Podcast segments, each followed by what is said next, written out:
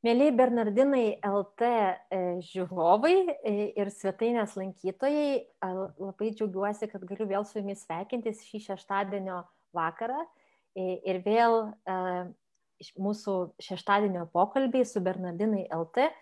Labai tikiuosi, kad nors ir karantininis vakaras, bet jis yra malonus jums. Ir noriu, šiandien tokia, pasirinkom tokią temą, tiksliau, tema pas mus atkeliavo, e, kuri ma, mūsų manimų labai tinka šį žiemos laikotarpį, e, nes žiema yra toksai mieguistas metas ir mes pagalvom, kad visai gal gerai pakalbėti apie miegą.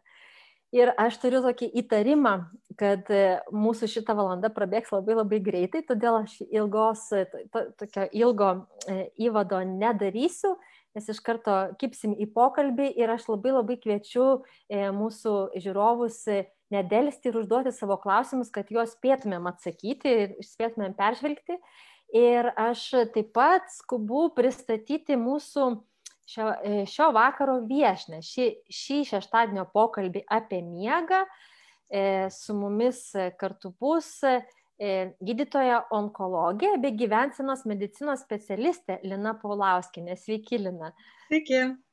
Labai labai ačiū, kad sutikote su mumis pabendrauti ir man, man labai maloni šita pažintis nes apie Liną išgirdau e, vasarą, kai e, e, draugai buvo stovykloje ir išgirdo jūsų paskaitą apie miegą ir mane taip sudomino, taip suintrigavo ir labai džiugiuosi, kad vat, yra proga pasidalinti šituo atradimu ir su kitais ir tuo pačiu man pačiai išgirsti, ką jūs galite pasakyti, ką jūs kalbate apie miegą. Bet prieš tai norėčiau paklausti jūsų. Matau, jūs esate gydytoja onkologė bei gyvensinos medicinos specialistė yra tokie tarsi du ne, ne, na, skirtingi dalykai. Tai man, man smalsu iš tiesų, kaip jūs iš onkologijos atėjote gyvensenos mediciną ir kas tai yra gyvensenos medicina ir kaip tai susijęs su miegu. Čia toks bus e, prisistatymas e, mūsų klausytojams. Gerai, tai ačiū labai, kad pakvietė pakalbėti, nes iš tikrųjų labai smagu dalintis tom žiniom ir mano tokia vizija ir misija, dėl ko aš ne tai, kad perėjau iš onkologijos, bet tiesiog kitą koją dar įžengiau ir kitą sritį, gyvensinos mediciną, tai tiesiog noras dalintis žiniomis ir, ir dalintis tom žiniom, kurios padeda žmogų, žmogų gerinti jo sveikatą. Tai, mm. na, aš on, onkologija esu kaip ir kaip ir esu iki šiol, niekur jinai tą onkologiją nuo manęs nepabėgo, bet tiesiog kaip turėjau truputėlį pertrauką tarp darbo, kai auginau savo vaikučius dar mažius, buvau namuose ir tiesiog pradėjau galvoti, kad, na, kažkaip tai norisi truputėlį plėsti savo sritį ir įgyjau daug žinių kad visgi gyvensena ir įvairūs gyvensenos veiksniai turi labai didžiulę įtaką įvairių lėtinių lygų ir gydymui, ir ne tik gydymui, bet ir profilaktikai. Na ir taip gilindama žinias atradau, kad yra tokios naujos studijos e, Lietuvos sveikatos mokslo universitete gyvensenos medicina. Ir vad kaip tik visai neseniai baigiau, apsigydžiau magistro laipsnį ir mes esam ketvirtoji karta, kurie baigė čia naują specialybę atėjusi į Lietuvą. Ir gyvensenos medicina yra apie tai, kaip įvairiais gyvensenos veiksniais galima kontroliuoti kontroliuoti, gydyti, išgydyti, na ir žinoma išvengti įvairių lėtinių lygų. Tai, va. tai dabar miegas iš tikrųjų yra na, tokia neatsiejama gyvensenos rytis ir gal truputėlį galiu taip įvesti, kad būtų aiškiau, kokia čia ta miego reikšmė toje visoje gyvensenoje. Tai pirmiausia, gal reikėtų truputėlį tokį žvilgsnį iš toliau pažiūrėti, kad e, apskritai gyvensena žmogaus sveikatą, jeigu mes įsivaizduosime tokį piragą iš šimto procentų ar ne, tai medicina, medicinos pagalba sudaro tik 10 procentų. 10 mhm. procentų lemia, kas atrodytų gal kitiems keista ar ne, nes visi įsivaizduojam, kad medicina gelbėja žmonės. Na taip, yra tų atvejų, kur žinoma, kad jau tikrai, bet šiaip iš principo 10 procentų. Genetikai irgi lieka tik 10 procentų, nes dabar naujas mokslas įrodė epigenetiką, kuri kalba, kad gyvensina gali jungti arba išjungti tam tikrus genus, tai, tai ta tikroji genetika tik 10. Ir lieka visas 80 procentų, beveik viskas mūsų rankose Ir jeigu taip išdėliot, kas tas 80, kas ten slepiasi, tai aš taip vis laik sakau, įsivaizduočiau stalą su penkiom kojom ir kiekviena koja yra vienodai svarbi, tai yra mytyba, fizinis aktyvumas, e, psichikos veikata ir streso valdymas, tada aplinkos kontrolė, žalingi įpročiai, na ir miegas, lygiai vertis visiems kitiems gyvensenos veiksniam. Tai va, tai pašnekėsim šiandien apie tai. Aš taip galvoju, mes iš tiesų beveik trečdalį gyvenimo pramiegame, ne, bet, bet kad kalbėti apie miegą ir rūpintis juo, nu, nelabai esam pradėję. Na, bent jau, bent jau mano aplinkoje, bent jau aš iš tikrųjų, kad reikia miegų rūpintis, visai nesenai susiprotėjau, galima taip sakyti.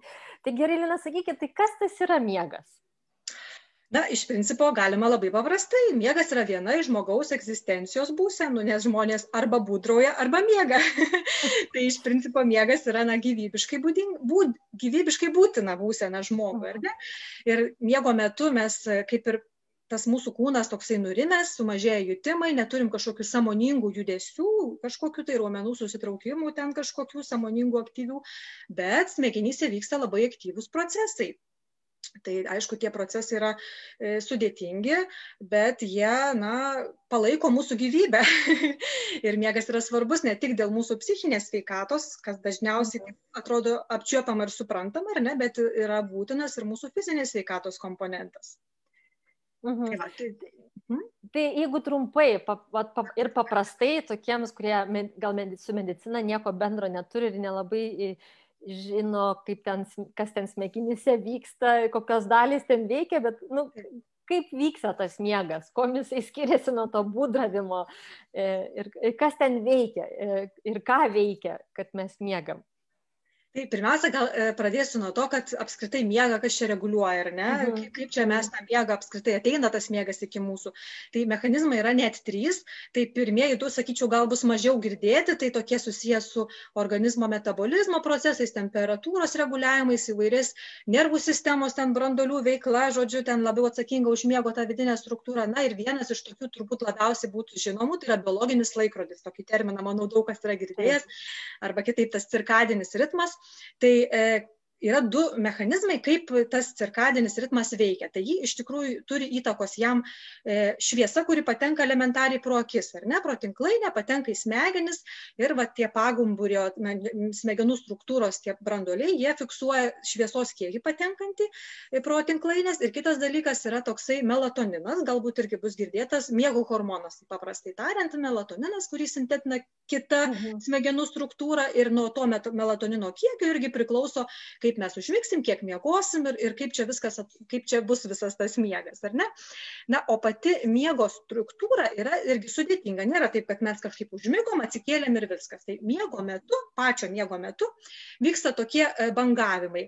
E, miegas skirstumas į tokius du, du miegus - lėtas miegas ir greitas miegas. Ir lėto miego metu mes dar grimstam gilin, gilin į gilų miegą ir tada grįžtam į tą greitą miegą, truputį galim prabust vidurį nakties, apsiverst ant kito šono ir vėl ciklas kartojasi. Tai va tokie ciklai yra maždaug 3-5 per naktį. Vieno ciklo trukmė suaugusiam žmogui. Aišku, vaikam yra kitaip, bet suaugusiam žmogui maždaug nuo 90-120 minučių ir kokias tiek laiko mes galim truputį prabusti, vėl kažką čia pasivartom ir toliau įmingam. Tai e, kodėl dabar tokie pavadinimai, ar ne, lėtas, greitas, kasgi čia tas, tai atrodo, miegam ir miegam. Bet iš principo tas lėtasis miegas, tai e, jo metu e, organizmas taip sulėtėja iš tikrųjų veikla. Ir temperatūra nukrinta, ir kraujos, mm. sulėtėja širdies veikla, kvepavimas. Ir tas gilusis miegas, jau ta tokia giliojo miego stadija, tokia jau žmogų labai sunku pažadinti iš to, iš to miego. Jau tas įmigęs giliai, giliai būna. Po to, kai mes perinam į tą greitą į miegą vadinamą, tai e, įdomus toksai veiksmas, jeigu stebėtume žmogų greitojo miego metu, tai raumenys būna visiškai paralyžiuotis, guli, ne, negali judėti, nejuda. Bet akis pastoviai juda horizontaliai horizontalioj plotmėj ir vat pastoviai tokį, tokį judesį juda jis. Na ir tuo metu ir kraujospūdis padidėja, ir širdies trukimų dažnis padidėja. Ir žmogui, jeigu pažadintume tokios stadijos metu, tai jisai detaliai prisimintų savo sapnus. Tai va, ir, taip to, tokie ciklai aukštyn žemyn kaitaliojasi ir link ryto jau to giliojo miego jau mažėja, žmogus daugiau pereina į greitą, daugiau to greitojo miego ir ilgėja greitojo miego trukmė, daugiau sapnuoja ir mes jeigu pabundam, dažnai prisimam jau tų paskutinių epizodų sapnus ar net to paskutinių greitų, greitų šitų miego sapnų. O šiaip, jeigu žiūrint apskritai, kodėl, kodėlgi smegenims reikalingas toks skirtingas miegas, ar ne? Tai e, tas lėtasis miegas su tom trim stadijom, kur ten į gilų miegą nugrimstam, tai jisai e, susijęs su smegenų veiklos susireguliavimu, su atsikūrimu ir tai yra labiausiai jėgas gražinantis miegas. Tai va tikslas žmogaus yra miegoti taip, kad pasiekti to gilio miego stadiją, e, nes tada e, labiausiai išsiskiria augimo hormonas. Tai čia ne tik su vaikais susiję augimo hormonas, bet ne veltui sakoma, kad vaikai auga mėgodami. tai va, bet savo, pasirodo ne mitas, pasirodo taip. Taip, taip, taip, iš tikrųjų, iš tikrųjų taip yra, bet tas pats augimo hormonas labai svarbus ir suaugusiam, nes jis tiesiog mm. padeda atkurti organizmo audinius visokius. Ir, pavyzdžiui, kuo mes daugiau jėgų išeikvojam dienos metu, kažkokią fizinę veiklą turim, sportuojam, tai tuo ilgėja lėtojo miego trukmė ir tuo daugiau užsiskiria augimo hormonų, tam, kad atsistatytų visas organizmas. Na, o tas greitasis miegas, kur ten akis laksto iš šonus visus, tai jisai susijęs daugiau su psichologiniais visais procesais, su atmintimi, va tuomet įsirašo į tą ilgalaikę atmintį įvairi informacija gauta, na ir įvairius ten ryšius tarp neuronų atkuria, žodžiu, tą smegenų veiklą sureguliuoja taip pat. Tai va, miegas yra skirtingas, bet abu du labai reikalingi. Tai va, jis truputėlį jau e, pa, užsiminėt tam tikrus tokius niuansus, ka, kam reikalingas miegas. Ir a, aš atsimenu, kaž, kažkuriam laikotarpyje, a, kiekvieną kartą įdama miegoti, aš vis pagalvodavau, kaip gaila tiek laiko ir pra, nu, pramiegi, nieko, gal galima kažkaip kitaip tą naudingiau tą laiką praleisti, nei miegant. Tai, tai va aš norėjau klausti, ar, ar iš tiesų miegas yra nenaudingai praleistas laikas? Ir gal, dar, gal gali dar detalizuoti, kuo mums yra būtinas miegas, ne tik, kad reikalingas ir būtų gerai, kad pamiegotumėm, bet kuo iš tikrųjų gyvybiškai būtinas yra miegas. Taip, tai va šita, vat, šitas jūsų klausimas iš tikrųjų įveda į labai tokią svarbę sritį, apie kurią įtariu, kad daugelis net nežinojo, nes aš tikrai pati prisipažinsiu, nežinojau tokių dalykų, kol ne, nepradėjau apie tai studijuoti ir gilintis, nes tai tikrai pirma, pirmasis įspūdis apie miegą tai yra, na, E, jeigu neišsimiegoju, jaučiuosi pavargęs, sunku susikaupti, ar ne, nu, pamiegosiu, viskas e, atsistatys ir viskas čia bus gerai. Arba kiti sako, išsimiegosiu, kai ten, nežinau, senatvė, arba kai numirsiu, nu kažkaip tai nesureikšmina miego iš tikrųjų. Bet dabar noriu papasakoti, kaip susijęs mūsų miegas su žarnynu, su žarnyno bakterijom, su žarnyno būklė. Tai yra e, tyrimų, kurie rodo, kad jeigu yra sutrikdytas miego būdravimo ciklas, ar ne, pavyzdžiui, lėtinis miego trūkumas, nu, žmogus tiesiog pastoviai, lietai, nu, pastoviai neišsimiega, ar ne, arba per didelis miegas, persimiegojimas.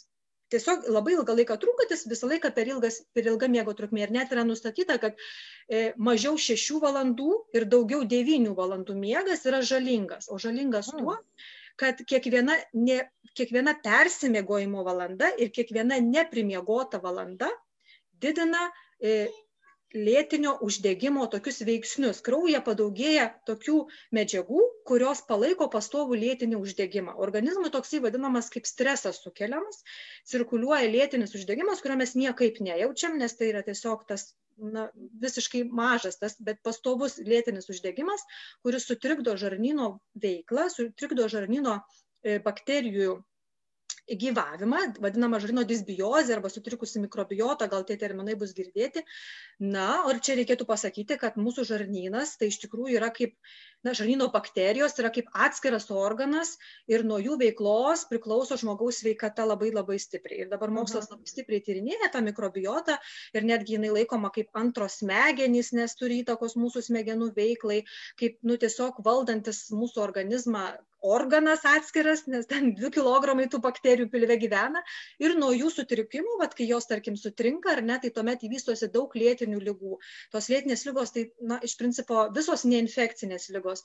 Tai ir žarnyno įvairios lėtinės lygos, širdies kraujagyslių, diabetas, nutukimas, e, žar, opaligės, visokios e, uždegiminės žarnyno lygos, nu, žodžiu, daug, daug, daug visą plokštę lygų, kurios išsiprovokuoja to žarnyno disbiozės fonė ir to lėtinio uždegimo fonė.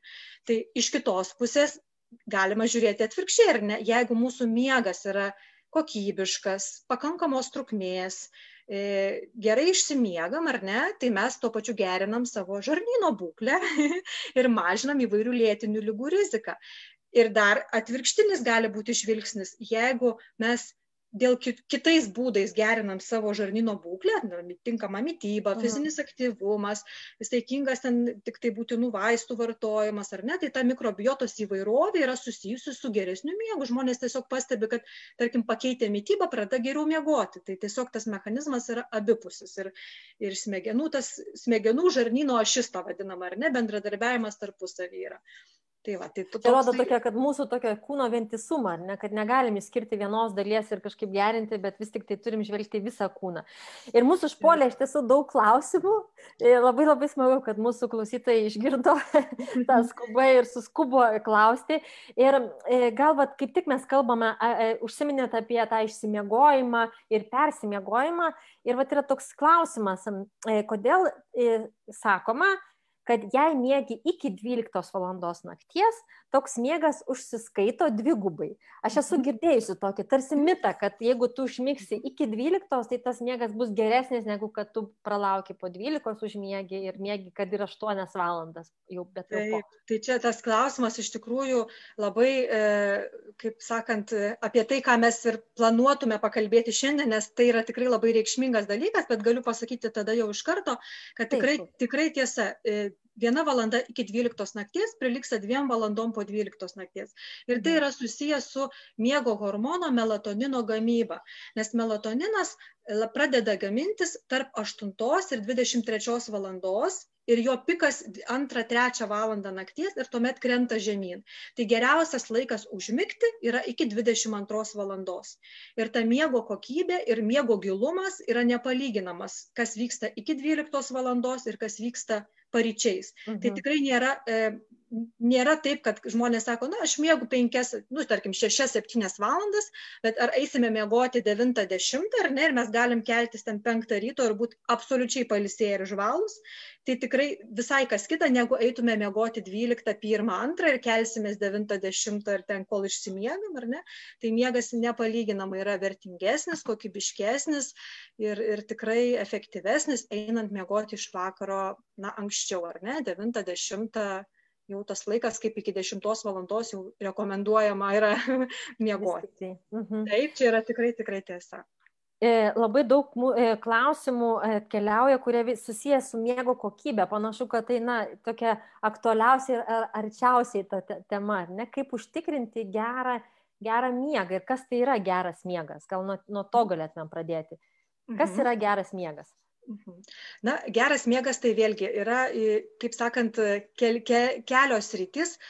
Negalima sakyti, kad tik trukmė svarbi, ar ne, ir miego mhm. kokybė lygiai taip pat svarbi. Tai e, geras miegas yra tada, kai žmogus atsigula, ir be kažkokių didesnių sunkumų užmiega. Šiaip rekomenduojama, kad žmogus užmigtų per 20-30 minučių. Ir va viena iš miego hygienos, ant tų miego taisyklių, ar ne, kaip, kaip, kaip čia yra, kaip čia elgtis, kad tas miegas būtų kokybiškas, tai ir yra tai, kad žmogus, kai atsigula miegoti, jeigu jis neužmiega per 20-30 minučių, rekomenduojama atsikelti, išeiti į kitą kambarį, e, užsimti raminančią kažkokią veiklą ir užsimanius miego vėl gultis, nes labai svarbu asociacijos žmogui, kad lova miegas nesocijuotų su negalėjimu užmigti. Būna, kad žmogus tiesiog kaip sunku užmigti ar ne ir eidamas jau galvoti, jau galvoja, va atsigulsiu ir vėl negalėsiu užmigti. Tai, tai va tas yra, e, tas yra labai svarbu, kad užmigtų, kad naktį žmogus miegotų e, vientisai, na, normalūs prabudimai. Čia yra normalu prabusti ir vėl užmigti, bet kad nebūtų apsunkintas tas vėl užmigimas, ar ne, ir atsibustume pailsėję. Va, tas yra labai svarbu, kad na, naktį netrikdytų kažkokie tai e, mūsų ar tai prabudimai, ar negalėjimai užmigti, e, ar kažkokie tai e, kiti dalykai. Aišku, tas ir labai svarbu ir apskritai e, miegamojo temperatūra, tamsa, ar ne, nes natūraliai kūnas nakties metu jo temperatūra sumažėja. Tai turi būti ir aplinkoje, ar ne, temperatūra žemesnė, negu mes esame pripratę. Rekomenduojama 16-18 laipsnių temperatūra, kad būtų, kad būtų tamsu, nes melatonino viena iš gamybos sąlygų yra tamsa dienos metu ir šviesa, atsiprašau, tamsa nakties metu ir šviesa dienos šviesa metu. Dienos. Taip, kuo mhm. daugiau natūralios šviesos dieną, tuo daugiau pasigamina melatonino naktį ir kuo naktį yra tamsiau, tuo melatonino būna daugiau. Yra netgi tokių žmonių, jautrių, ypač vaikų, kur menka švieselė pro užuolaidas jau trikdo nakties miegą, reikia aklinos tamsos. Čia vėlgi individualu, kiekvienas skirtingai reaguoja Mhm.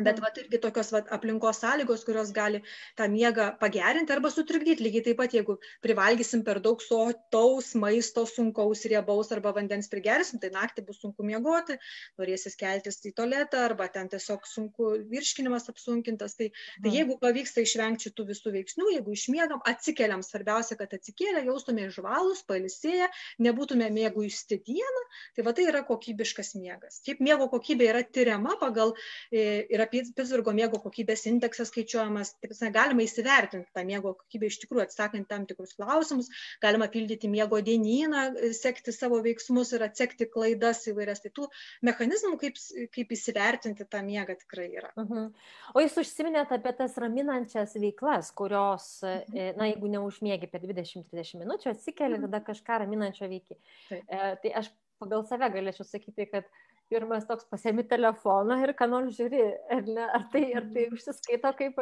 na, galima skaityti kaip raminančią veiklą, ar vis tik tai, tai nėra labai. Tai va, tai va, vėlgi čia vėl perinam prie dar vienos miego hygienos taisyklės, kad bet koks dirgiklis prieš miegas turi būti vengtinas, o dirgiklis tai yra bet kokia šviesa, aišku, ir ryški uh -huh. kambario šviesa, ar ne, ir mhm. rekomenduojama jau valandą prieš einant miegoti, nedegti ryškios šviesos, geriau blankę kažkokią, jo lapkai dar tas va momentas, kai išeinam iš kambario, nes lik dar nenori miegoti ar ne, tai tikrai nereikėtų užsidegti ryškios šviesos.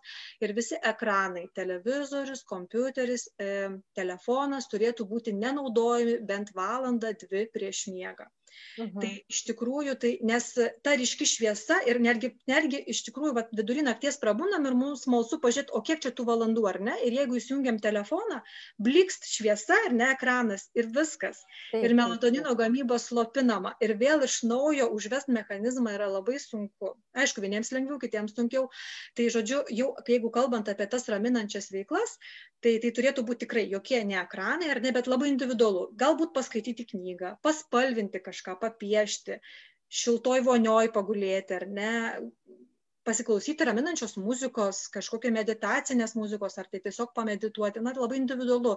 Tiesiog reikėtų susirasti kažkokiu tai tokių vat, veiklų, kurios netrikdytų, nebūtų dirgikliai kažkokie, bet kaip tik paruoštų kūną miegų. Dar labai svarbu, galiu prie to pačio paminėti ir ritualai prieš miegą, bet irgi tokie e, su vaikais labai tai gerai veikia ir jiems labai svarbu, bet lygiai taip pat ir suaugusiam žmonėm. Jeigu mes kažkaip tai susigalvojam tai gali būti labai paprasti dalykai, bet tiesiog pastoji pasikartojantis kiekvieną vakarą tie patys, ar ne? Ten, tarkim, e, nežinau, einam praustis, pižama, e, paskaitom knygą, atsigeriam gurkšnelį šilto vandens, ar ten pagulim vonioj, ar paskaitom knygą. Nu, žodžiu, kažką darom pastoviai, tai labai organizmas mūsų linkęs skirti įvairias asociacijas, ar ne, ir tada jau liktai gauna signalą, kad jau po to bus miegas. Tai tiesiog natūraliai mes nurimstam, pasiruošiam tam ir, ir taip daug lengviau pereiti į tą miego būseną. Tai rutina čia gali padėti, ne? Toks... Labai, labai, labai kažkokie tai.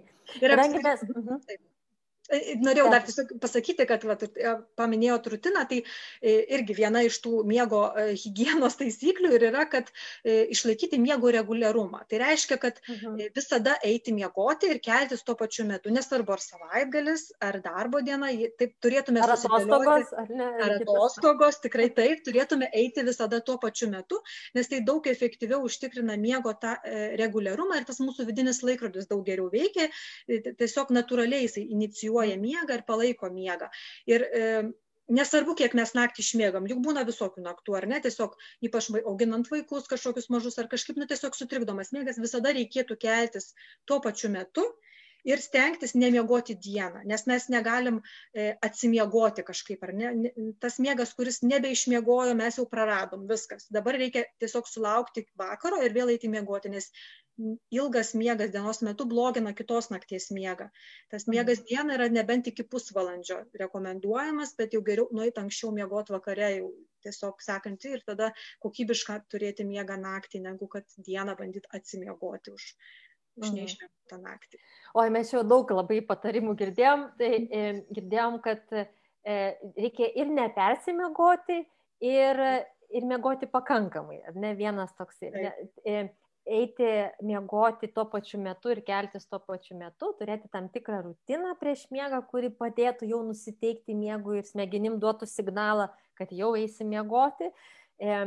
taip pat vengti dirgiklių, tai yra šviesos, nes tai slopina melatonino gamybą. Ir kalbant apie melatoniną, kadangi apie tai mes čia nemažai kalbėjome, vienas mūsų klausytojas e, klausė, ar rekomenduotumėt melatonino papildų pagerti žiemą. Nežinau, kodėl žiemą, nes atrodo, kad tamsiau žiemą yra, bet apskritai, ar, ar verta, na, žmonėm, kurie netgi galbūt nėra kažkokio labai didelio sutrikimo, bet ar tai pagerintų miego kokybę, jeigu mes vartotumėm papildus? Tai gal pirmiausia, e, truputėlį apie tą melatoniną ir kaip čia viskas vyksta ir kaip jisai uh -huh. sintetina, gal truputėlį plačiau ir tada truputėlį apie tos užsiminsiu kažkokius papildus. Pirmiausia, reiktų pagalvoti, e, na, natūraliai, ar ne? Geriausia, kai mes gaminasi visos, visi hormonai ir visi procesai vyksta natūraliai. Tai apskritai melatoninas, kaip mes žinom iki šiol, ar ne, gaminasi smegenyse ir visa kita, bet dabar neseniai atra, mokslininkai yra atradę, kad mūsų žarnyno bakterijos melatonino pagamina net 400 kartų daugiau negu smegenyse esanti kankorėžinė liauka. Tai dar kartai rodo tą svarbą mūsų, ar ne, žarnyno būklės ir tas ryšys, nes melatoninas laikomas tarpininku tarp žarnyno ir smegenų.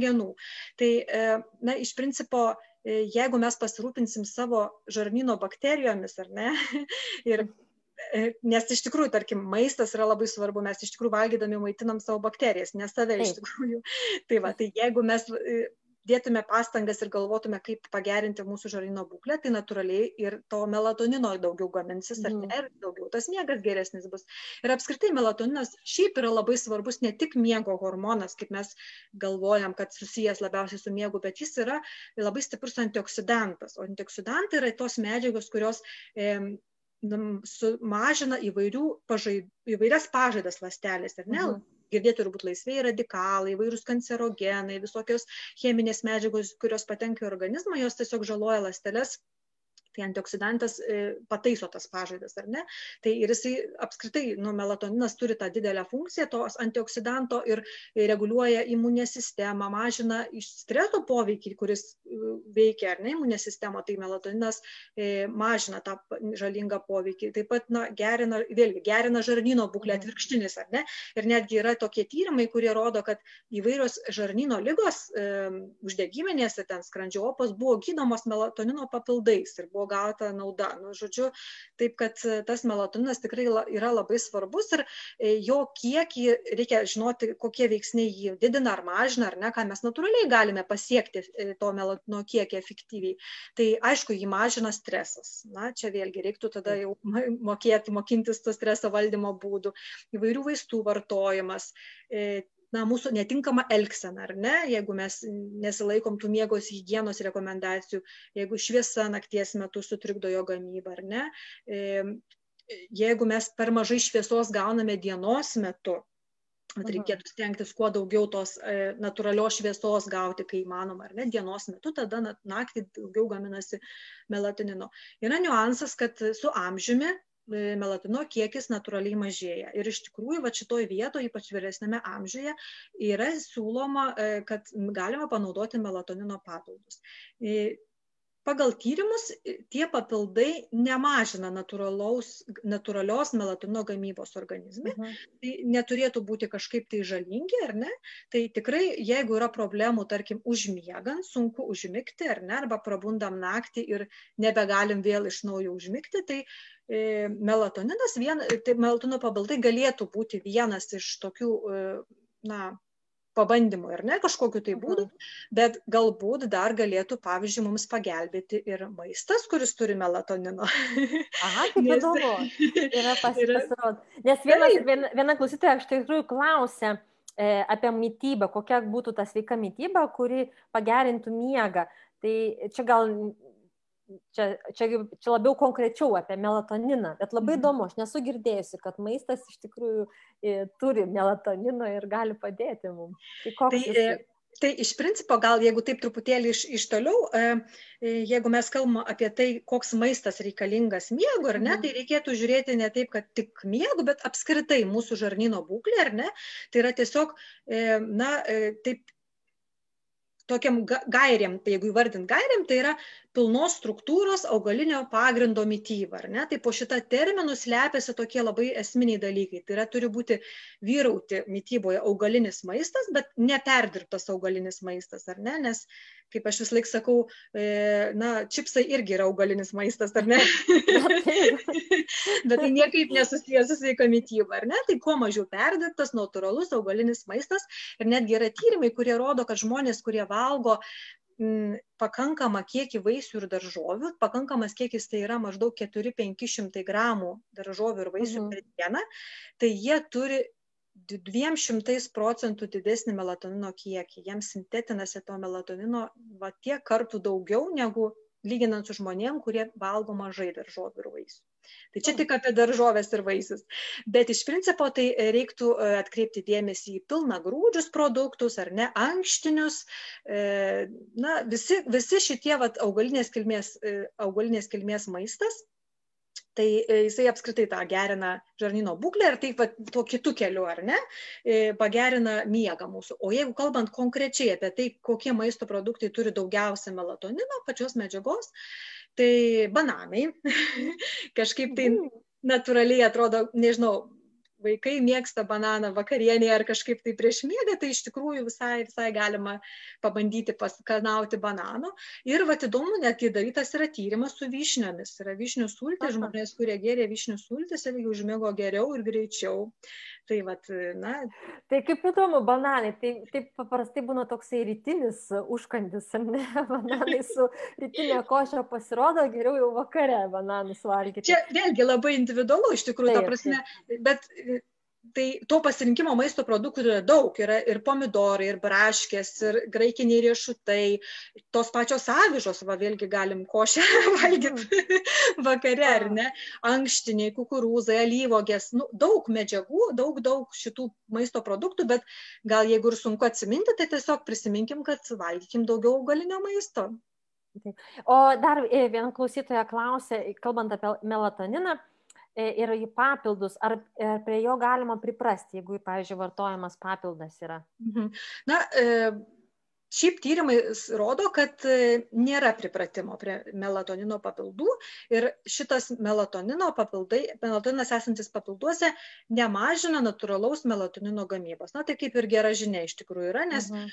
tai yra, na, natūrali medžiaga, tai nėra kažkokie vaistai, kaip, kaip kiti būna, ar ne, vaistai, kurie iš principo negydo miego sutrikimo, tik tai, na, palaiko, e, tą padeda užmigti, bet ne, neišsprendžia problemos, ar ne? Ir dėl to mhm. net tuo pačiu galiu pasakyti, kad yra įrodymų, jog jeigu yra, tarkim, nemiga ar nemigos kažkokie sutrikimai, tai už vaistus daug efektyvesnė yra įvairios psichoterapinės technikos, kognityvinė elgesio terapija mhm. arba nemesingų įsisavinimo metodai, tai jie yra daug efektyvesni, tie visi psichoterapiniai būdai, negu kad vaistai Tai va, nes jie sprendžia iš esmės visas problemas. Mes apie sutrikimus dar tikrai pakalbėsime, bet aš norėčiau sugrįžti dar prie to e, gero miego ir, ir ritmo, apie kurį truputėlį kal, e, užsiminėme, kalbėjome. Ir vienas, viena mūsų klausytoja Rasa klausė, ką patartumėte dirbantiems naktinėje pamainoje. Ir, ir kodėl man šitas klausimas priminė tą miego ritmą, nes vis tik tai taip, jeigu žmogus dirba naktinėje pamainoje, tai yra visiškai ne pagal natūralų žmogaus tą e, ritmą. Net e, dirba naktį, kai yra tamsu, o dieną kažkaip turi išsimiegoti, jeigu pavyksta, ar ne? Mhm. Bet dažnai būna, kad ir net, net nepavyksta išsimiegoti dieną. Tai e, ką daryti, kaip E, kaip išlaikyti e, tą sveiką miegą, jeigu tenka dirbti tokios pamainomis. Na, žinokit, šitoje vietoje dėja tikrai nepaguosiu, nes na, nėra tokio būdo, kaip e, susigražinti prarastą miegą naktį ar ne ir kažkaip tai kompensuoti jį kitais būdais, nes iš tikrųjų pamaininis darbas yra vienas taip net ir tiesiogiai įvardinamas iš mhm. elgsenos arba kažkokio tai gyvenimo būdo priežasčių, kas sutrikdo miego būdravimo ciklą ir lemia visus tuos e, mechanizmus ir sutrikimus, apie kuriuos kalbėjom, kad tai yra na, vienas iš tų miego sutrikimų, kurio priežastis yra pamaininis darbas. Na tai tiesiog e, aišku, negal, nu, kaip žmogus vis tiek renkasi, kaip, kaip, ką daryti ar ne, kaip su to darbo elgtis, bet tikrai nėra kažkokiu tai būdu, tiesiog, na, keisti darbą, bet toksai patarimas, aišku, čia jeigu, jeigu tai kenkia. Taip, ne? taip, tai iš tikrųjų yra kenksminga. Jeigu tai yra tik pamaininis darbas ir žmogus dirba tik naktimis, ar ne, na, tai tiesiog kažkokį laiko tarpą taip, tai viskas dar yra tvarkoje, organizmas gali kompensuoti, gali atsistatyti, visą kitą. Jo lab yra daug darbų, kur žmonės, tarkim, turi kažkokius naktinius būdėjimus, ar ne, taip, bet na, kelis taip. per mėnesį ar, ar ten kažkaip, na, tai yra kaip yra, normalu, kad nu, tiesiog kažkasgi turi dirbti ir naktį, Būtent. bet labai būtų gerai, jeigu tai nebūtų vien tik naktinis darbas, ar ne, kai būna tiesiog kas kelias paras ir va taip žmogus, tarkim, dirba ir tik naktimis būdi. Tai aišku, tada, e, nu, tokiu atveju, jeigu visiškai naktį nemiegojom, tai natūralu, kad mes neišlauksim, kol ateis naktis jau normali, ar ne, tai tiesiog dieną kažkiek nusnūsti reikia, bet reikia nepersistengti su miegu dieną ir e, stengtis, kad tada ta naktinis sekantis naktinis miegas būtų kuo geresnis. Tai reiškia nueiti miegoti anksti, išsimiegoti naktį ir visos kitos naktis, kurios skirtos normaliam miegui, kur galima miegoti, ar ne, reikės tenktis tada jau išlaikyti tas taisyklės, tas, apie kurias kalbėjo miego hygienos, tas rekomendacijas, ar ne, kad mhm. kuo kokybiškesnis tas miegas būtų ir kuo anksčiau atsigulus, tada galima ir tą išmiegoti tas valandas. Tai, na, tiesiog vis, ko, jau susitaikyt su tuo, ko negali pakeisti, ar ne, bet tai, ką gali pakeisti, daryti maksimaliai viską. Ta prasme ir elgsena dienos metu, nes fizinis aktyvumas dieną gerina miegą, tinkama mytyba gerina miegą, ar ne, ta e, hygiena visa elgsena, tinkami visokie pasirinkimai mm. gali užtikrinti kokybišką miegą tada, kai tikrai galima išsimiegoti. Na, kai negalima, tai negalima, čia žinoma. Taip. E, dar vienas yra klausimas, atkeliauja vienas klausimas apie melatoniną kadangi mes jau kalbėjome e, nemažai, tai aš dar jį užduosiu ir tada norėčiau keliauti prie tų vat, sutrikimų, nes irgi yra keletą klausimų. E, čia gana konkretus e, klausimas, tai prieš jį užduodant norėčiau tiesiog mūsų klausytojų paprašyti ir perspėti, kad, kad mes iš tikrųjų nu, ne, individualių žmonių situacijų nežinome ir negalime įsigilinti, tai mes negalime taip pat e, konkrečiai patarti e, konkrečiam žmogui, jeigu kažkokie yra sutrikimai ar kažkokie tokie konkretūs klausimai, reikėtų kreiptis į savo šeimos gydytoją ir aptarti su juo. E, bet e, kai kurie klausimai tiesiog mums yra toks impulsas aptarti plačiau tą temą. Taigi, e, klausia apie melatoniną, ar gali vartojant jį atsirasti intensyvūs sapnai ir ryte skaudėti galvą. Čia to apie tokius pašalinius poveikius tikriausiai. Ar, yra, ar įmanoma tokie dalykai? Na, čia vėlgi, žinokit, taip, e, šiaip pagal viską e, kažkokių pašalinių poveikių vartojant melatonino papildus kaip ir neturėtų būti, bet kiekviena, kiekvienas organizmas yra unikalus ar ne individualus ir na visokių tų reakcijų būna mhm. ir jeigu žmogus jaučia, kad būtent su tai susiję su e, melatonino vartojimu, na tai reikėtų tuomet tada pasvarstyti, gal nereikėtų jo vartoti, gal galima paieškoti kitų būdų, kaip, na, visada reiktų pirmiausia e, apskritai vat, suprasti, kad, na, geriausiai viską daryti natūraliai, ar ne? Taip, taip. Ir jeigu jau tikrai neišeina, kito, nes e, tikrai neišgelbės melatonino vartojimas, jeigu mes nesilaikysime jokių kitų taisyklių, ar ne, kažkokių tų miego hygienos, ten visų kitų gyvensenos mūsų, jeigu visas bus chaosas visame kame, tai melatonino papildai tikrai ne, neišspręs problemos. Pirmiausia, mm. reikia galvoti, kaip, kaip e, su savo na, elgsena, ar ne, ką mes galim pasiri savo pasirinkimus ir savo elgseną, kaip galima padėti savo. O kalbant apie miego sutrikimus, štai e, vėl klausė vienas e, klausytojas mūsų, e, bet čia galbūt padėtų irgi apšilti ir pradėti būtent miego sutrikimų temą. Tai jau tokio vidutinio amžiaus 45 metų mūsų klausytojas ir pastebėjo, kad nes, nebesugeba be prabudimo išmiegoti 3 valandų. Ar tai normalu? Tai va tas prabudinėjimai naktį, ar tai gali būti jau laikoma sutrikimu ir kokiu dar miego sutrikimu būna? Mhm. Na, aš jau minėjau, kad natūralu, kad žmogus naktį prabunda, ar ne, nes ciklai keičiasi, kiekvieno ciklos pasibaigia ir žmogus arba iš tikrųjų vėl grimsta atgal į tą lėtą į miegą, arba prabunda, kurio metu, na, gali prisiminti savo prabudimus. Na, tiesiog, man atrodo, visi pagalvoja, žinostume, kad naktį buvom prabudę matėm kažkokią tai nežinau šviesą ar kažkas vyko ar ne ar šalia esantis žmogus miegantis tuo metu kažką veikė mes tiesiog apsiverčiam ant kito šono ir vėl įmingam. Tai problema labiau tada yra kai sunku užmigti iš naujo kai mes prabundam ir tuo metu išsibudinam ar ne ir užtrunka vėl užmigimas ten ilgesnį laiką ir tai sukelia mum diskomfortą. Tai tai vėlgi o e, kalbant apskritai apie įvairius kitus sutrikimus tai e, na tikrai tų sutrikimų yra įvairių yra įvairūs miego būdravimo sutrikimai, ne tik nemiga, ar ne, kaip čia toksai labiausiai žinomas, bet yra ir padidinto mėguistumo sutrikimai, būna neramių kojų sindromas, na, tokių visokių, žodžiu, kvėpavimo sutrikimai miego metu, to pačio cirkadinio ritmo sutrikimai, nes kiekvienas žmogus turi truputėlį skirtingą miego generavimo sistemą ir ta mūsų smegenų veikla gali kartais būti per daug jautri arba kaip tik per silpnai veikianti. Na ir, ir visokių tokių tų šitų sutrikimų būna. Ir ta pati nemiga iš tikrųjų irgi e, na, labai plati sritis, nes e, dažnai nemiga būna antrinė, po ją slepiasi kitos priežastys.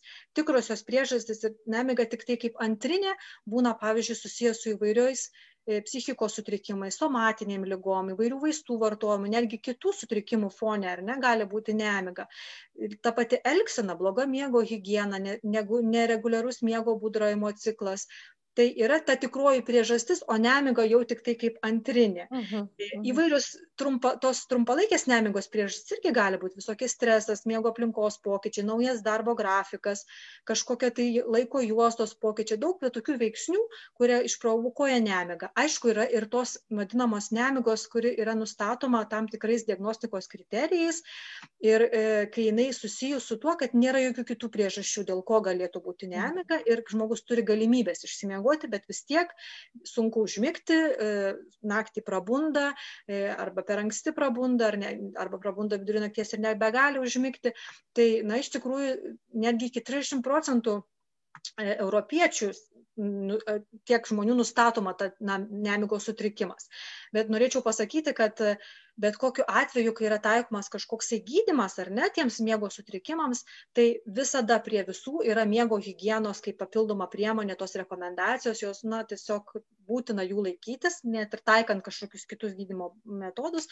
Tai va ta miego hygiena ir tos taisyklės aktualios ne tik kurie jau turi problemų, bet ir žmonėm, kurie gal ir dabar puikiai miega, bet e, gal kartai žmonės ir natūraliai elgesi teisingai, net nesusimastydami, bet labai svarbu žinoti tuos taisyklės, kad jeigu pasikeis kažkokios aplinkybės, kad ne, nepradėtume daryti klaidų ir išlaikytume tas teisingus, teisingus įpročius. Tai Dar galėčiau. Minimumas taip, toks, ar ne? Taip, taip, tai yra, pieno, tai... Taip, taip, tai yra tiesiog na, tas tokios taisyklės, kurios na, turėtų jau būti na, natūraliai ar neįaugusios mums įpratę, mes turim turėti, turėti tos įpročius ir kad tai nes, kažkaip tai natūraliai viskas mūsų pasirinkimai būtų tokie.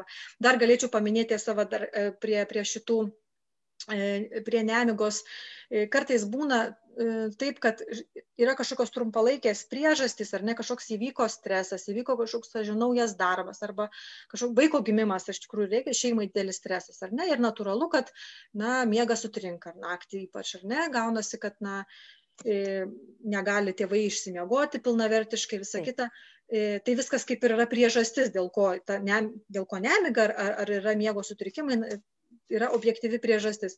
Ir po kiek laiko vaikas užauga ir atrodytų jau jis pats išmiega visą naktį, ar ne? O, o mama vis dar keliasi naktį ir vis dar, ne, vis dar tos problemos. Tai vad, e, ta tokia lėtinė nemiga, bet iš tikrųjų irgi dažniausiai tau priežastis būna e, ta, tie palaikantis neigiami faktoriai, tai yra netinkama miego hygiena, e, per didelis kiekis miego dieną ar ne, netgi tokie dalykai kaip e, didžiulis dėmesys miegui. Iš vienos pusės mes kalbam, kad e, svarbu žinoti apie miegą, žinoti, kaip elgtis ar nes, skirti dėmesio miegui, bet per didelis dėmesys miegui ir tokios tiesioginės pastangos kontroliuoti miegą arba pastangos slopinti mintis prieš miegą labai trikdo miegą. Tai vat, reikia išlaikyti tokią pusiausvyrą, nes tie va, psichologiniai veiksniai, kurie gali apsunkinti mūsų tą gebėjimą kokybiškai miegoti, ar ne, tai va, tokie labai gali tikrai pa, pa, pasunkinti visą situaciją. Tai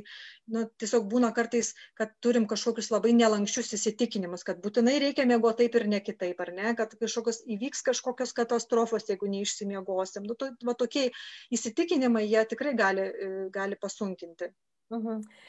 E, klausytoja Marija klausė, jeigu žmogus savo prigimtimi yra arši pelėda, ar laužyt savo prigimtį ir naktinėjimo laiką? Mhm. Ir, ir čia irgi prie ir miego hygienos, ir prie miego ritmo, man atrodo, čia toks klausimas yra, nes nu, mes natūraliai esame kai kurie linkę keltis anksti, eiti anksčiau miegoti, kiti mėgsta labiau naktinėti, natūraliai ir ne linkę labiau naktinėti, bet tada ilgiau pamiega. Ar čia yra įprotis, ar iš tiesų tai yra tokie prigimtiniai dalykai, mūsų na, tokie natūralūs polinkiai ir ar jų reikia klausytis, ar vis tik tai mes kažkaip galime ugdyti ir pakreipti save, savo tą prigimtį vieną ar kitą pusę. Na visgi tai yra įprotis.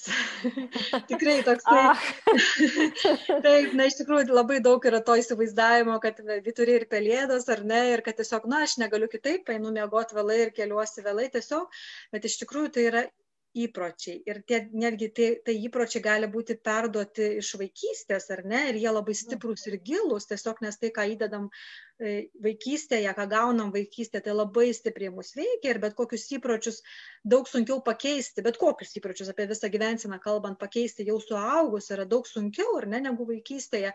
Bet iš principo tai na žmogaus fiziologija yra tokia kad na ne veltui yra tos miego taisyklės, ar ne universalios, ta prasme, kad visiems reikia eiti miegoti anksčiau, ar ne, melatoninas gaminasi visiems panašiu metu, pikas jo yra visiems, nes tai yra pagrysta mokslo tyrimais ir na, žmogaus mhm.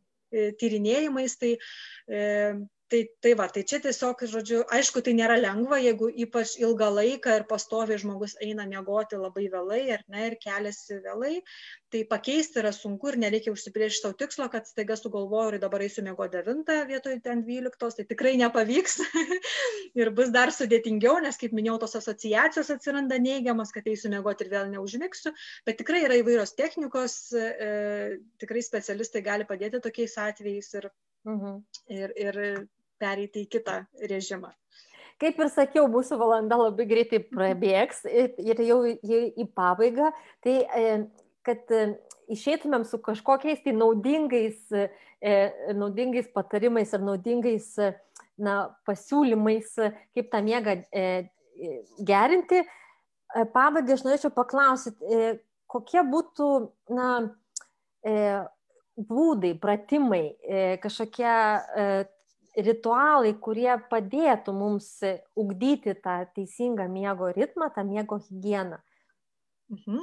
Na, pirmiausia, tai turbūt e, apskritai reikia žinoti, ar ne? Tarkim, mhm. jeigu mes tą miego higieną, tokius kaip taisyklės savo užsirašom, kaip čia turėtume elgtis ar ne, ką daryti dieną, ką daryti prieš naktį, e, kaip elgtis, jeigu neužmiegam, tai tiesiog, kai žinom šitus dalykus ir pradam taikyti savo įpročiuose, savo dienos ritualuose, tai tiesiog tada, na, po truputėlį viskas dėliojasi geriau. Aišku, e, reikia žinoti ir, tarkim, tos atsipalaidavimo pratimus, ar ne, kur truputėlį kalbėjom, kad vieniems gali pagelbėti muzika, ar ne, kažkokia tai, e, bet lygiai taip pat galima būtų pasidomėti apie kvėpavimo pratimus, nes tiesiog nu, žmogus natūraliai prieš, e, prieš miegą, jeigu, na, tarkim, kad ir atsigulus lovoje, ar ne, kai vat sunku užmigti tam tą, tą pačią pradžią, tai tiesiog pakvepuotų tuo diafragminiu giluminiu kvėpavimu, sulėtina kvėpavimu, natūraliai žmogus grimsta į tą miego būseną, nes kvėpavimas ir sulėtėja miego metu, tai mes liktai mhm. per kitą, per kitą, na, tokį ryšį pradedam tą organizmą ruošti miegui. Raumenų atpalaidavimo pratimų visokių yra, kur tiesiog, e, na, tarkim, e, visas raumenų grupės iš eilės reikia įtempti ir atpalaiduoti. Tai, tai va, irgi priverčiam raumenis atsipalaiduoti. Galima užsimti tokias savį įtaigos pratimais, kai įsivaizduojam, kaip šyla galūnės, atsipalaiduoja raumenys, kraujas priplūsta į galūnės. Galima įsivaizduoti tiesiog šiaip malonius kažkokius vaizdinius, stebėti juos, ne, negalvojant, nevertinant kažko tokio. Tai nuo tų atsipalaidavimo pratimų juos galima taikyti ir jau prieš miegą, galima taikyti kažkokiu tai na, vienu iš rutinos dalių ar, ar tų na, ritualų prieš miegą metu įsivesti kažkokį tai iš tų atsipalaidavimo pratimų. Tai va, reikia nepamiršti, kad fizinis aktyvumas dienos metu yra labai svarbu, tik aišku, ne per, ne per arti miego, 4-6 valandos iki miego, aktyvus fizinis aktyvumas dieną tikrai gerina miegą. Pagalvokime apie tai, ką valgom, kaip, kaip elgiamės su savo žarnynu, ar ne. E, na netgi galim prisiminti eterinius aliejus tikrai e, yra įrodyta ir levandos ir mandarino eterinio aliejaus nauda kurie mažina streso hormono kiekį didina e, serotonino iš kurio gaminasi melatoninos kiekis. Yra įvairių augalų kurie lygiai taip pat gerina miegą. Tai tikrai yra dar daug sričių kur galima na paieškoti tų galimybių ir, ir visą komplektą naudoti, kad na, mūsų miegas būtų sveikas ir kokybiškas. Ačiū, kūrybiškai ir šitoje vietoje galime kūrybiškai pasilikti. Dar vienas klausimas yra čia. E, truputėlį kalbėjote apie tą dienos miegą ir, ir minėjot, kad nėra gerai e, bandyti atsimiegoti e, dieną, kai mes nemiegojome naktį, tarsi atsigriepti tą mhm. ne, nemiegotą laiką. E, bet štai yra toks klausimas, ar naudinga nusnūsti dienos metu 20 minučių ir kodėl? Netgi jeigu dieną ir naktį gerai miegojau, ar, ar verta e, skirti? Dienos miegas reikalingas tada, kai iš tikrųjų nepavyko naktį pamiegoti, jaučiamės mėguisti, bet vat, iki 20-30 minučių, nedaugiau. Ir geriau truputėlį tada jau, e, na, arčiau tų vidudienio, negu kad vėliau, ar ne? Nes labai svarbu nepabloginti kitos nakties miego. Tai jeigu mes jaučiamės žvalus, tai tikrai nereikia dieną eiti prigulti, geriau tada tiesiog na, tą pataupyti miegą nakčiai, nes nakties miegas tikrai yra na, nepalyginamas kitoks savo struktūrą, sudėtim ir nauda sveikatai negu kad dienos miegas. Mhm. Dar yra keletas tokių klausimų, tokių e, specifiškesnių, šiek tiek turime laiko, tai gal skirkime ir jiems. E, Rasa prašo truputį, ar galima apie miego paralyžių pasakyti. E, labai nemalonų procesą ir jo veikimą nežinau, aš nesu girdėjusi apie miego paralyžių, bet gal jūs kažką esate girdėję, e, žinote, kas tai yra ir kaip būtų galima. Čia reikėtų truputėlį patikslinti, turbūt, ką turiu omeny miego paralyžius. Jeigu mhm. tai yra vienas iš miego sutrikimų, na tai yra specifinis dalykas ir, ir tada jau, jau čia reikėtų su specialistais konsultuotis. Mhm. Kitas toks irgi specifiškesnis klausimas. Mm, e, e, mūsų klausytoja klausė, esu girdėjusi, kad apie antrą valandą nakties atsipalaiduoja skersa ruožiai raumenis. E, tad šis laikas labai svarbus miegui. Kodėl ir iš vis kokią reikšmę mums turi bioritmai? Tokie va štai klausimai. Galbūt šiek tiek pakartojimo, bet pabaigai Taip. užtvirtinti. Ne? Taip. Na, tie e, raumenys atsipalaiduoja, tai e, na, iš principo daugiau ar mažiau viso miego metu, ar ne? Ir nėra ta konkreti valanda kažkokia, bet kiekvieno miego ciklo, kaip aš minėjau, metu yra ypač to aktyvaus miego metu, greitojo mm. miego metu, ar ne, raumenys yra visiškai paralyžiuoti, jie nejuda, ar ne, visiškai atsipalaidavę ir, ir tik tai vyksta tam tikras smegenų veikla. Tai tie ciklai kartuojasi natūraliai. Tai tiesiog nėra kažko konkretaus laiko, o labiausiai, na vis tiek miegas savo, savo struktūroje yra taip na, sukonstruotas, kad mums na, būtinas tas miegas toks, kad mes pasiektume tą gilų miegą, kur labiausiai jėgas atstatantis miegas yra, bet tą galima, aišku, padaryti tada, kai miegas yra na, kokybiškas, nepertraukiamas, na, išskyrus tos natūralius pertraukimus ar ne, ir kad labiau pirmoji nakties pusė, nes, kaip minėjau, to giliojo miego mažėja ir iš visas išnyksta paryčiais. Tai vat, išlaikant tą tinkamą dienos nakties režimą ir, ir turint galimybę išlaikyti visą tą miego struktūrą, mes pasieksime geriausių rezultatų ir na, tiesiog mhm. daugiausiai naudos sveikatai.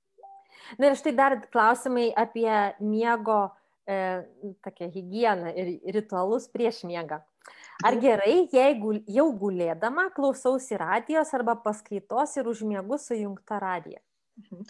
E, dabar čia yra keli niuansai. E, jeigu klausomės prieš miegą kažko, kas mus nuramina ir atpalaiduoja, ir neskatina minčių ir galvojimo, tai yra gerai. Čia vėlgi skirtingai žmonės veikia, ar ne? Mhm. Kitiems kaip tik tas fonas, tik tai, na, tiesiog kaip fonas veikia ir kažkaip atpalaiduoja mintis. Bet jeigu tai skatina apmąstymus kažkokius ir mintis veja mintį, ar ne, na, tai tikrai sunkiau tada būna nusiraminti ir grįžti į miegą.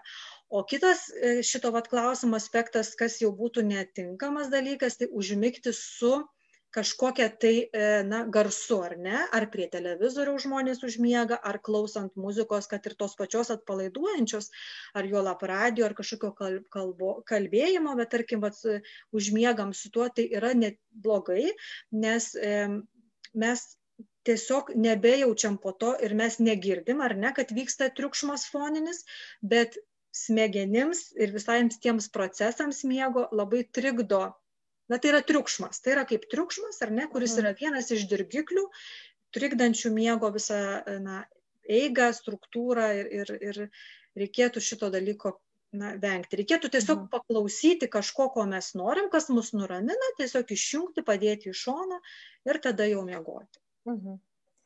viskas aišku Tai e, apibendrinant, aš dabar vat galvoju, gerai, jeigu mes gerai maitinamės, dieną judame, e, turime tam tikrus ritualus prieš miegą ir mes juos atliekame ir e, neklausom kaisios muzikos, e, valandą prieš miegą praleidžiame prie blausios šviesos, nainam laiku miegoti.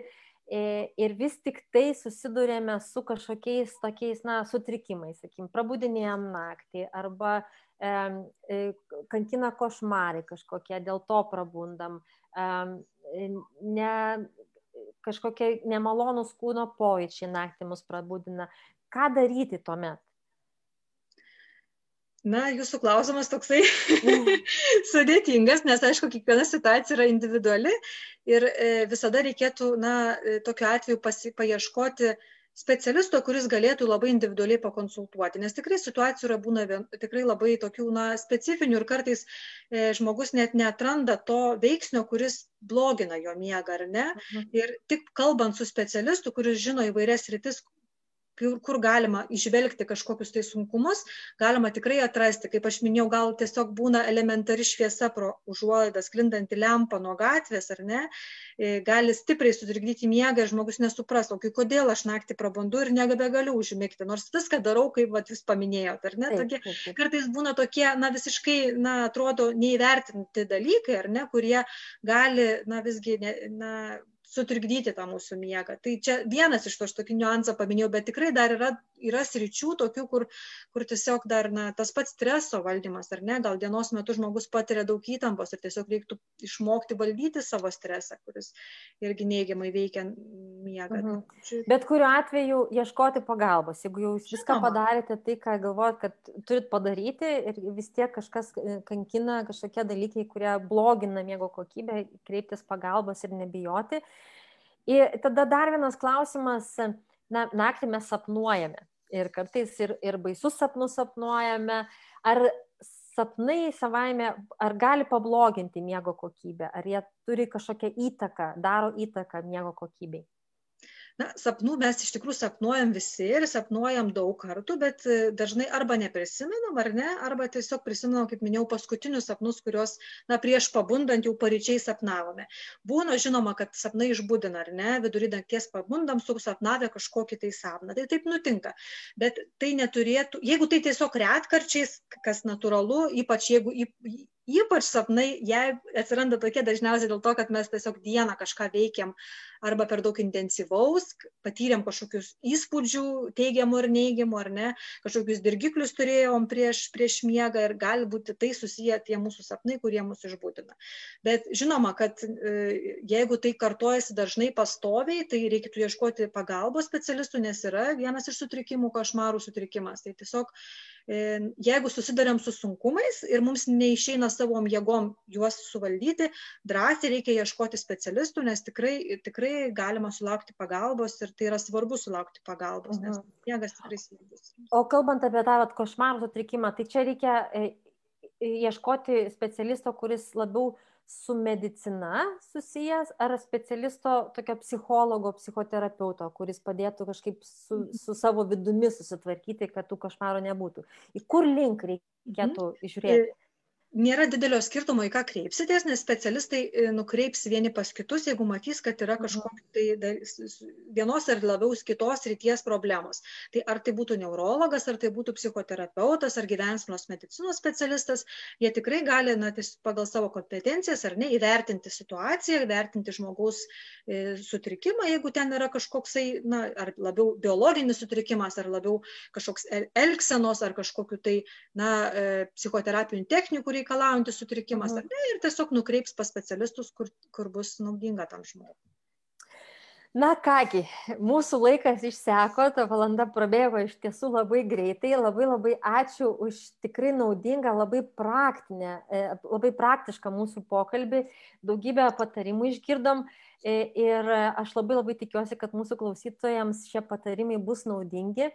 E, aš bandysiu, aš ir pati bandysiu dabar e, kažkaip švarinti tą laiką aplinkui miegą, kad jis, e, tas laikas padėtų geriau išsimiegoti ir, ir bandysiu atrasti tam tikrą rutiną, kuri padėtų kokybiškai miegoti.